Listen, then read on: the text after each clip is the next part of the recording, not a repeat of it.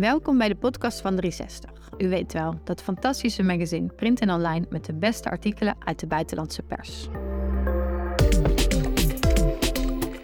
Braziliaanse schoonzussen geven via TikTok een inkijkje in de gevangenis. Een artikel uit El País. In Brazilië hebben vrouwen van gevangenen succes op TikTok met video's over de bezoekjes aan hun partners. Zo zorgen ze ervoor dat het stigma verdwijnt dat aan gevangenen en hun families kleeft in een land waar meer dan 900 mensen achter de tralies zitten. In het nagenoeg oneindige universum van TikTok-sterren hebben Braziliaanse schoonzussen hun plekje veroverd. En ze hebben veel succes. Het zijn echtgenotes en vriendinnen van gevangenen. Cunhadas noemen ze zichzelf, schoonzussen, die in korte, zelfgemaakte video's het reilen en zeilen van hun dagelijks leven laten zien. Een bezoek aan hun liefje achter de tralies gaat gepaard met een mix van routine, emoties en onzekerheid. De video Gia de Visita no Gilindro, bezoekdag in de Baaiers, werd een grote hit. Een meisje van in de twintig met onmogelijke wimpers en getatoeëerde handen vertelt hoe ze eindelijk haar boy gaat bezoeken nadat ze hem 45 dagen niet heeft gezien, omdat hij in eenzame opsluiting zat. Ze hem daarna naar een half open instelling brachten en hij vervolgens naar een andere gevangenis is overgeplaatst. De bureaucratische formaliteiten zijn net afgerond en ze is al in de gevangenis, dus staat weinig de lang verwachte hereniging nog in de weg, vertelt ze. Maar dan begint de nachtmerrie.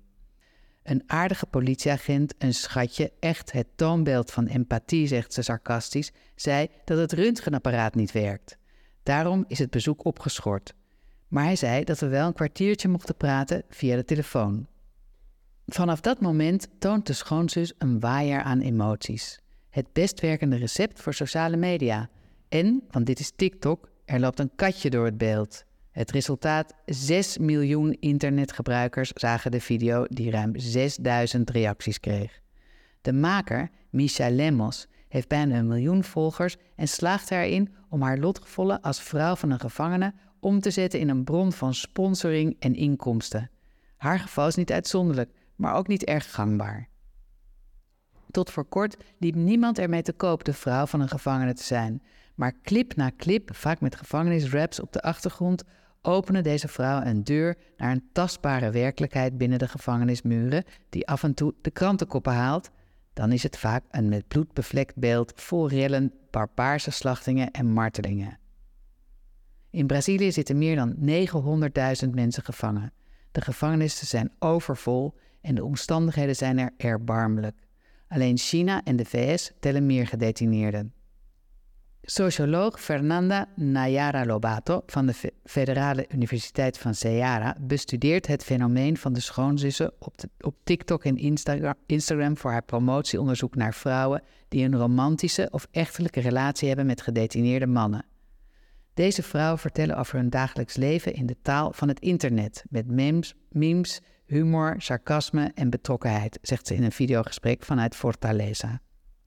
Juist de gevangenen van Ceará zijn momenteel in het nieuws vanwege diverse gevallen van marteling van gedetineerden, zoals het breken van vingers of het draaien van testikels.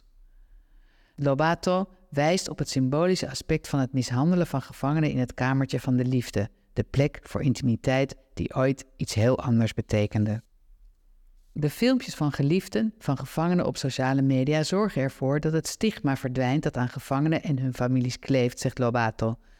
Daarnaast zorgen ze voor solidariteit tussen deze vrouwen en vermenselijken ze de ervaring in gevangenissen. Ook laten ze zien dat de gevangeniswereld niet losstaat van de rest van de samenleving. Op TikTok delen de vrouwen weinig details over hun geliefde, zegt de onderzoeker. Ze praten vooral over zichzelf. Als het om de gevangenis gaat, vraagt niemand voor welke misdaad of aanklacht iemand vastzit. Dat wordt als beledigend ervaren. Gevangeniscodes worden binnen nog buiten de muren geschonden, want daar zitten consequenties aan. De machtigste criminele groep van Zuid-Amerika, de Primeiro Comando da Capital, PCC, domineert de gevangenissen en favela's. Zij begonnen met de term schoonzussen voor de vrouwen van bendeleden, hermanos, broers. De term breidde zich later uit tot elke vrouw die een gevangen man bezoekt. Vrouwelijke gedetineerden worden daarentegen doorgaans in de steek gelaten door hun partners en familie. Braziliaanse gevangenissen zitten overvol. Aan het begin van deze eeuw waren er ongeveer 200.000 gevangenen, maar in ruim twee decennia is de gevangenispopulatie met een factor 4 gestegen. De belangrijkste reden dat er nu meer dan 900.000 gevangenen zijn, is een anti-drugswet uit 2006, die geen onderscheid maakt tussen dealers en gebruikers. De Hoge Raad is van plan het debat te hervatten over decriminalisering van drugsbezit voor persoonlijk gebruik.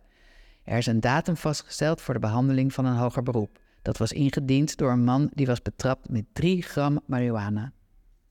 De zaak lag jarenlang onderop de stapel van de hoogste Braziliaanse rechtbank, wat aangeeft hoe netelig de kwestie is. In 2015 begon de Hoge Raad met het bestuderen van het hoger beroep. Drie van de elf rechters stemden voor versoepeling, maar een vierde vroeg tijd om de zaak nauwer te bestuderen en daar bleef het steken. Acht jaar zijn inmiddels verstreken. De verwachting is dat de rechters zullen instemmen met een versoepeling van de drugswet. De grootste optimisten dromen ervan dat de Hoge Raad het eens wordt over een bepaalde hoeveelheid die consumenten onderscheidt van dealers. De georganiseerde misdaad regeert niet alleen over de gevangenis van Brazilië, maar beheert ze ook min of meer. Het is gebruikelijk dat de autoriteiten gedetineerden vragen of ze geïnterneerd willen worden in een gevangenis die wordt gedomineerd door een bepaalde bende, om zo gevangenisoorlogen te vermijden.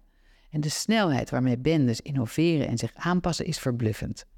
Tijdens de pandemie begon de ondernemingsgezinde PCC de wachtrijen van bezoekers via Telegram te organiseren om drukte te vermijden, al dus een recent verslag in het tijdschrift Piauí. Het systeem is inmiddels uitgebreid naar andere gevangenissen.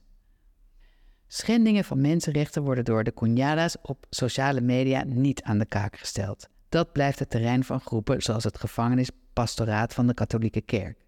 De influencers laten hun eigen versie van hun dagelijks leven zien, meer zoet, zoals TikTok voorschrijft. Ze filmen zichzelf terwijl ze maaltijden koken om mee te nemen en de gerechten, zoals pasta bolognese of soms zelfs een biefstuk in doorzichtige zakken stoppen. Jumbo is in gevangenisjargon de naam voor die doorzichtige tas waarin ze eten meenemen, of nieuwe kleren of tandpasta. In veel Braziliaanse gevangenissen ontbreken zelfs de meest basale dingen. TikTok-video's met de hashtag gevangenisvrouw of rechter laat de gevangenen vrij tonen de BH of het parfum voor het volgende intieme bezoek. Of de cunhadas poseren in kleding waarmee ze penitentiaire inrichtingen zouden willen betreden, maar die verboden is. Gevangenissen hanteren namelijk eenvoudige kledingsvoorschriften voor bezoekers: t-shirt, legging en slippers. Ze maken ook van de gelegenheid gebruik om geïnteresseerden te informeren hoe een elektronische enkelband moet worden opgeladen en wat de kosten en reistijd zijn voor dat lang verwachte moment eens in de 7 of 14 dagen. En dan pakken ze hun mobiele telefoon, zetten hun liefste gezicht op en delen dat moment met de wereld. Dit parallele universum doet overigens veel denken aan de echte wereld, want hoewel de meeste Braziliaanse gevangenissen mestizo of zwart zijn, zijn de populairste cunhadas wit met glanzend stijl haar.